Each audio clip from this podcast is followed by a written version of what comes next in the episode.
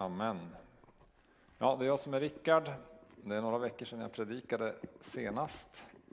Eh, jag jag glatts över rapporter jag fått från våra gudstjänster senaste veckorna om dop, om människor som blir helade i förbönen, om goda samtal, om fler människor som har anmält sig till dop och det är ett tecken på att Gud gör något i människors liv och människors hjärtan här i församlingen.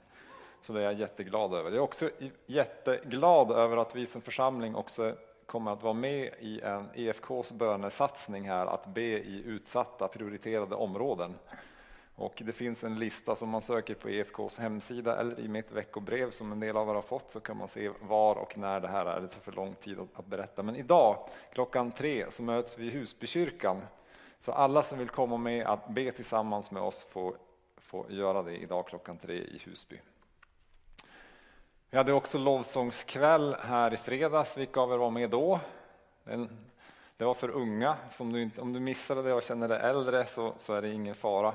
Men, men när, vi, när vi talar om tillbedjan, alltså varför är det viktigt att tala om tillbedjan i den här tiden, så är det ju för att man har liksom identifierat att den unga generationen är en tillbedjande generation. Och därför så känns det viktigt för oss att ta det här med tillbedjan. Förra söndagen så predikade Oliver om att vi är skapade för att tillbe. Som hjorten längtar efter vatten så längtar min själ efter dig, och Gud. Lyssna gärna på den predikan, den var väldigt bra. Det är Gud som kan fylla det begäret, det behovet. Men idag är rubriken då felriktad tillbedjan. Eh, det handlar förstås om att tillbe annat än Gud. Jag, kan, jag, ska förstås inte heller ta upp alla sorters felriktade tillbedjan, för det finns ju hur många varianter och avarter som helst. När man säger avgudadyrkan så kopplar en del bort liksom så här, och tänker det gäller inte mig. För, alltså, och jag kommer ju faktiskt inte att predika om sådana avgudar som alltså Vishnu eller Krishna eller Shiva eller Baal eller Astarte eller allt vad de heter. så. Utan jag kommer att utmana något som är lite närmre oss. För det är ju, alltså, vi som är svenska kristna är kanske inte så lockade av den typen av tillbedjan. Utan det finns annat som, som berör oss mer och ligger närmare till som kan rikta våran tillbedjan åt fel håll. I psalm 121 och vers 1 så skriver psalmisten så här. Jag lyfter mina ögon till bergen, varifrån kommer min hjälp? Min hjälp kommer från Herren som har gjort himmel och jord. Varför lyfter han sin blick mot bergen? Det kan man fundera på. Eh, jag har förstått att det handlar om att offerplatserna till avgudarna fanns på, berg, på bergen, på bergstopparna. Ni kommer ihåg berättelsen om Elia kanske som mötte Balsprofeterna på berget Karmel. Jag lyfter mina ögon till bergen. Varifrån ska min hjälp komma? När, när psalmisten skriver så här så, så, hjälper, han oss, hjälper han oss att se att det är viktigt vart vi riktar vår blick när det handlar om tillbedjan. När jag behöver hjälp, vart riktar jag min blick?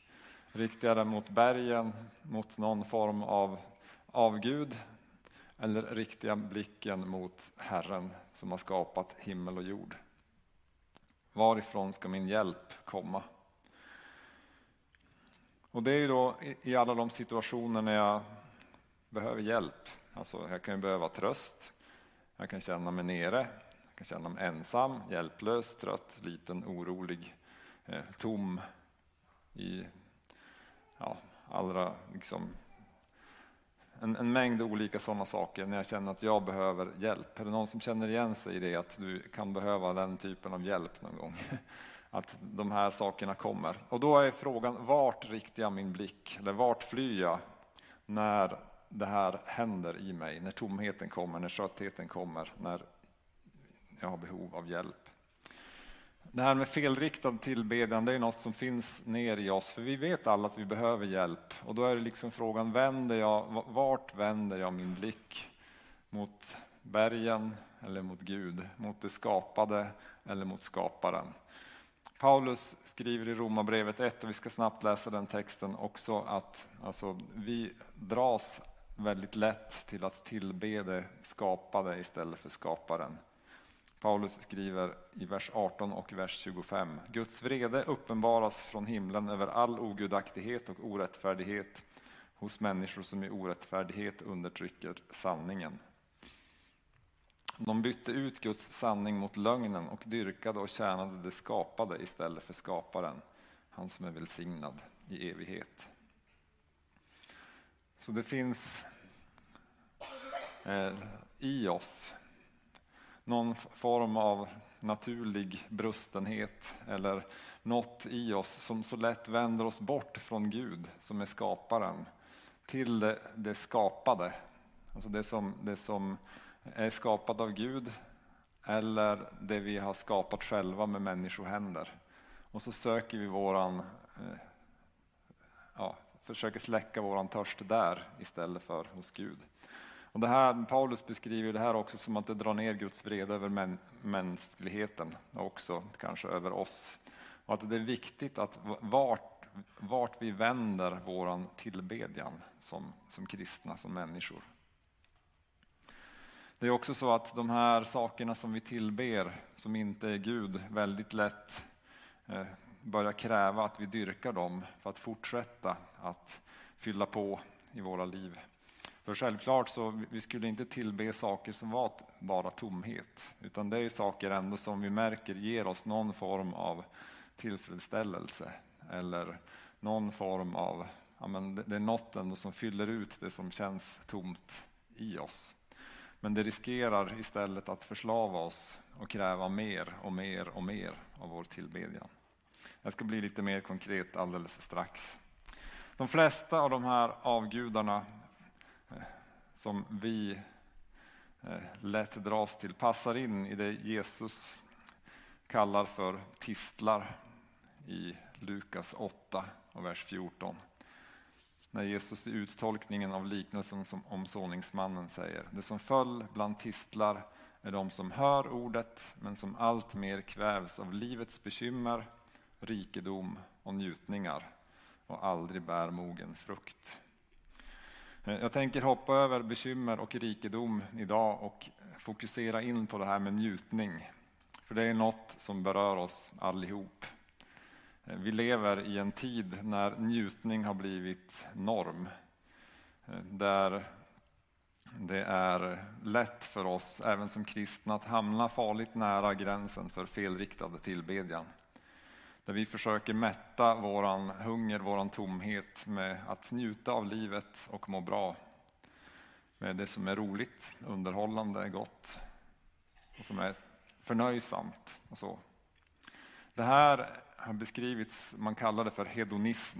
Det är liksom att försöka njuta maximalt. Det är en filosofi som, som fanns redan på 400-talet före Kristus, så det är inget nytt under solen. Och det beskrivs, hedonism betyder, eller beskrivs som att det enda mål som människan ytterst har för sina handlingar är att uppnå lust eller lycka och för egen del undvika olust eller lidande. Och som du märker så är det här både ett lite okristet sätt att agera och egoistiskt. Men det är också vattnet vi simmar i, i våran tid. Där allt handlar om att jag ska må bra och ska njuta maximalt av mitt liv varje dag. Och där den här tomheten som vi alla känner av ska få fyllas med någon form av njutning eller underhållning. Jag bara kollade lite så statistik från eh, SCB. Eh, det yttrar sig på följande sätt. I Sverige generellt så varje år köper vi i Sverige i godis vi köper godis för 44 kronor per vecka i genomsnitt per person. Och frukt för 31 kronor. Så vi lägger mer pengar på godis än på frukt. Och vi lägger lika mycket pengar på läsk och alkohol som på mjölk, fisk och grönsaker tillsammans. Eh, det kan man också fundera på vad det betyder. Eh, då kommer jag inte in på andra saker om droger och så som vi också lägger pengar på och mediciner och sånt. Eh, sex har blivit, det här är ingen statistik, men det har blivit eh, från att vara en, en krydda i ett, det äktenskapliga samlivet så har det blivit en huvudingrediens i njutningslivet hos väldigt många. Och där ser vi också hur porranvändning och annat har skenat iväg de senaste åren. Sen så kommer vi till det som har med underhållning att göra. Och här liksom kommer det nära oss alla. Alltså hur mycket tid lägger jag på eh, sociala medier, TikTok, Instagram, Facebook, Youtube, Netflix, mina favoritpoddar och så vidare. Det är lite pinsamt om jag skulle liksom börja räkna efter, så det vill jag helst, helst inte göra. Alltså även för mig, hur mycket tid tar det här? Här det här är bara några så här bilder. Eh, nu tänker inte jag bara säga det här för att ge dig dåligt samvete, för att alltså, Bibeln säger också att Gud har gett oss, eh, han ger oss rikligt saker att njuta av. Det är Paulus som skriver det och i predikaren så står det att eh, Gud har skapat oss för att kunna njuta. Så det, är, liksom, det är inget fel att njuta av saker och ting. Det är inget fel att njuta av apple pie som jag fick igår till exempel, Eh, som är min favorit. Eller kolla på en bra tennismatch på TV eller vad man nu tycker är härligt och roligt. Eller att ha fest med mina vänner eller sätta sig med en bok i solen och njuta av det. Det, var, eh, det gjorde jag för övrigt också igår. En stund när vi hade städat här i kyrkan. Njuta, det är, det är ju okej okay, helt enkelt. Men det är när jag vänder mig till de här sakerna istället för till Gud när jag behöver tröst eller hjälp eller kraft eller vila eller för att fylla tomheten i mitt inre. Det är då som tillbedjan riktas åt fel håll. Och det är då det här förvandlas, det här oskyldiga förvandlas till en demon. Eller till en guldkalv som det blev för Israels folk i öknen. Jag vill läsa den texten, den är lite längre ni får läsa med mig på, på väggen. För det finns liksom, egentligen så det, ska, det finns jättemånga poänger här men det är egentligen bara en som jag ska försöka lyfta fram, eller två kanske, ur den här texten. Men vi läser från Andra Mosebok 32, från vers 1. När folket såg att det dröjde innan Mose kom ner från berget samlades de kring Aron och sa till honom Kom och gör oss en gud som ska gå framför oss. För vad som har hänt den där Mose som förde oss upp ur Egyptens land, det vet vi inte. Mose hade tillsammans med de äldste fått gå upp på, på berget för att Gud kallar dem dit. Mose håller på att få tavlorna med de tio budorden från Gud ritningar på tabernaklet, en del mm, andra instruktioner från Gud. Det står i ett tidigare kapitel att han var där i 40 dagar. Så någon gång under den här 40 dagars perioden, troligen mot slutet av 40 dagars perioden, så händer den här händelsen. När de vill ha en annan Gud. Då sa Aron till dem, ta guldringarna som era hustrur, era söner och era döttrar har i öronen och ge dem till mig. Då tog allt folket av sig guldringarna som de hade i öronen och bar dem till Aron. Han tog emot guldet och formade det med en mejsel och gjorde av det en gjuten kalv. Och de sa, här är din Gud Israel som har fört dig upp ur Egyptens land. När Aron såg det byggde han ett altare framför den och utropade, imorgon är den Herrens högtid. Nästa dag steg de upp tidigt och offrade brännoffer och bar fram gemenskapsoffer. Folket satte sig för att äta och dricka och reste sig för att roa sig. Folket hade alltså inte tålamod att vänta på Guds lösning. Mose hade försvunnit. Han var på berget hos Gud, men han var inte där hos folket. Och då tar de saken i egna händer och tillverkar den här avguden som hade ett namn i Egypten. Den hette Apis. Och det var den e- egyptiska avguden som var njutningens gud. Och man ser det här, de börjar äta, dricka, dansa och roa sig. Och det är ganska uppenbart att det var det här begäret efter njutning som fanns hos folket. Alltså att få lite snabbare tillfredsställelse, att inte kunna vänta på det, liksom Guds väg. Gud hade tagit dem ur Egypten, de var på väg in i löfteslandet. Gud hade lovat ett land av eh, mjölk och honung. Det låter kladdigt, Men, men eh, det är liksom sötman, njutningens maximal njutning liksom har Gud lovat där i löfteslandet. Men de, de, har inte förmågan att vänta på det så de tar saken i egna händer och vill liksom ha den här snabba, snabba tillfredsställelsen. Och så börjar de tillbe den avgud som de känner till som påminner om köttgrytorna i Egypten som nämns i en annan text. Alltså där de, man, där de backar tillbaks istället för att våga gå framåt med Gud. Man tillber det som är känt, det som tidigare har gett eh, utdelning istället för att våga vänta på Guds lösning, på Guds hjälp. Och parallellen till våra liv blir ganska uppenbar. Alltså att det är väldigt lätt att vårt begär drar oss tillbaks till det vi, där vi har fått någon form av tillfredsställelse tidigare.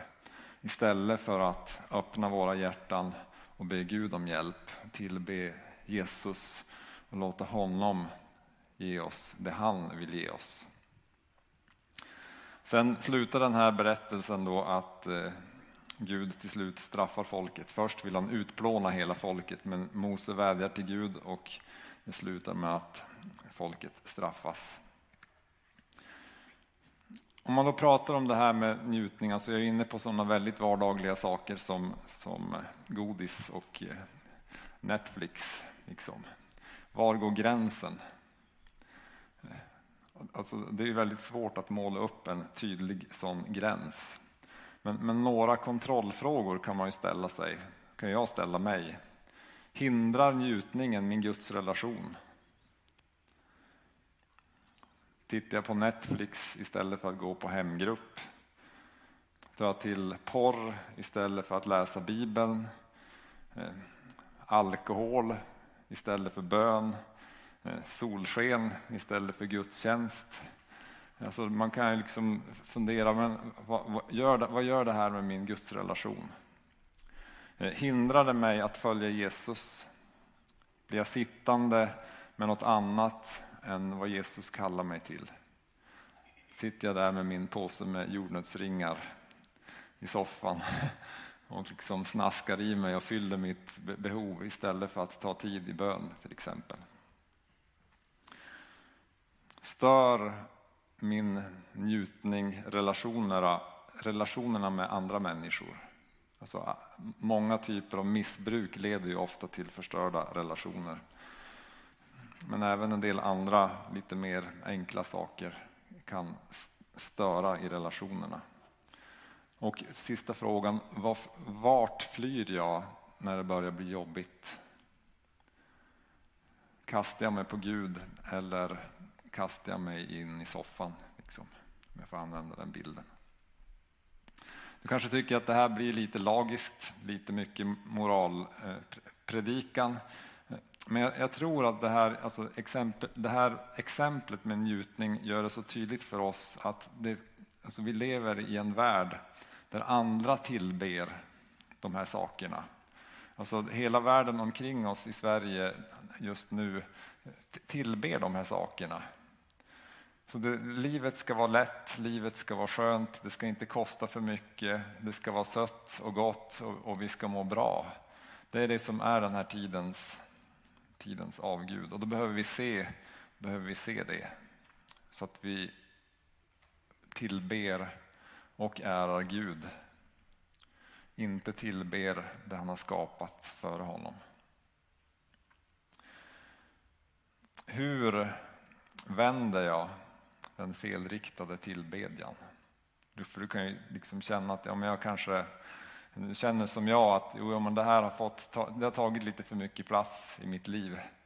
Det här, Jesus behöver få mer plats, jag behöver få tillbe Jesus mer. Hur, hur gör man? Hur, hur, hur, vad, vad tar man till? Man kan läsa en bok. Det, ju, det finns många bra böcker. Richard Foster, Celebration of Discipline heter den på engelska, Vägar till glädje på svenska. Det går att beställa. Eh, Guds godhet och skönhet, det är också en bra bok om andliga övningar. Sen har skrivit en bok själv också som heter Kan du höra honom? Som delvis handlar både om att höra Guds röst men också att följa Gud. Så det är något som man kan göra för fördjupning. Du kan också läsa alla de bibeltexten och bibelsammanhangen som jag talat om här idag. Men det viktiga, tänker jag, är ju att faktiskt ägna sig åt rättvänd tillbedjan. Göran kommer att predika om det mer nästa, nästa söndag. Att faktiskt vända oss till Jesus i tillbedjan. Vi har gjort det en lång stund redan här idag. Det är fantastiskt att sjunga lov, ära och pris. Och halleluja, din är äran. För, det, för då vänder jag mig till Jesus, då vänder jag mig till Gud i tillbedjan. Och det blir en sann tillbedjan av Jesus. Och varje gång som jag gör det så vänder jag också ryggen mot eh, alla de här andra sakerna som vill ta plats i mitt liv. Så, så rättvänd tillbedjan är ju det som är det bästa botemedlet mot felvänd tillbedjan. Helt enkelt att hela tiden försöka vända sig rätt.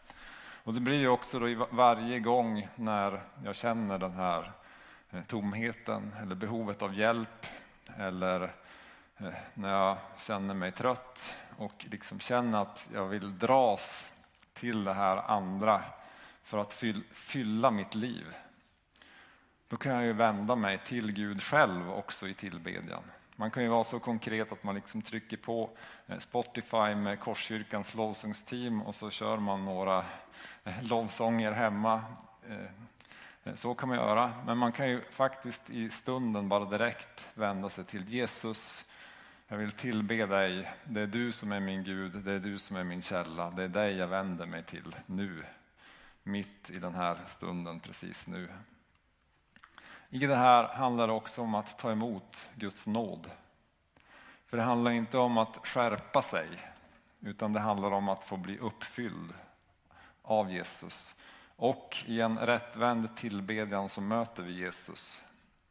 Det är där, där finns förlåtelsen, där finns försoningen med Gud och där finns frälsningen eller räddningen som jag behöver hos Jesus.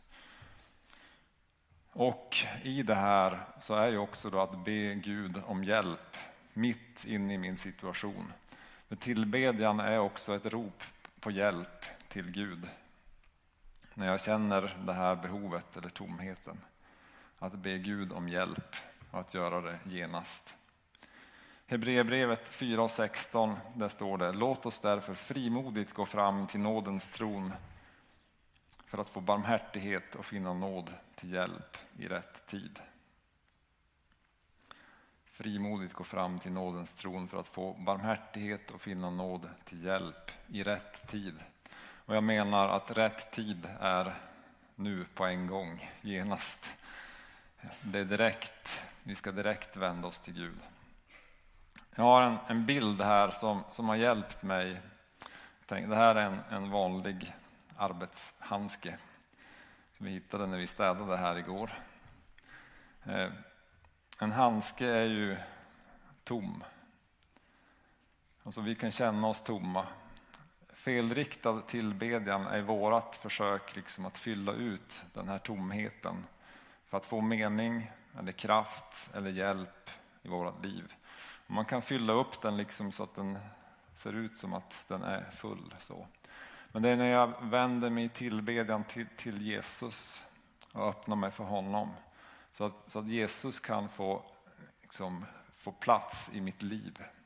Som jag är den jag är tänkt att vara. Som min tillbedjan verkligen får rätt funktion och som jag också kan få vara använd av Gud på det sätt som Gud har tänkt. Och då blir min tillbedjan att öppna mig och be Jesus kom in i mitt liv. Jag ger dig platsen, jag ber dig om hjälp, jag ber dig om kraft. Jag ber att det du har tänkt ska ske i mig. Och när vi nu ska gå in i avslutningen här i tillbedjan, så låt det vara din bön. Vänd dig till Jesus, fyll mig, kom med din kraft, så kan du uttrycka din längtan till Jesus efter det du behöver just nu. Du kan komma till välsignelseplatsen här där någon ber för dig. Du kan gå till förebedjare, du kan gå till en själavårdare och du kan komma inför för Gud själv på någon av våra böneplatser. Så vill jag också säga att det kan ju vara så att du har fastnat och sitter fast. Känner att jag kommer inte ur det här, ett dåligt mönster av felriktad tillbedjan på något sätt. Och då, kan, då kan du ta kontakt med någon förebedjare eller själavårdare särskilt som kan be tillsammans med dig. Låt oss vara en tillbedjande församling som tillber Gud för den han är och alltid ber Gud om hjälp både för oss själva och för andra.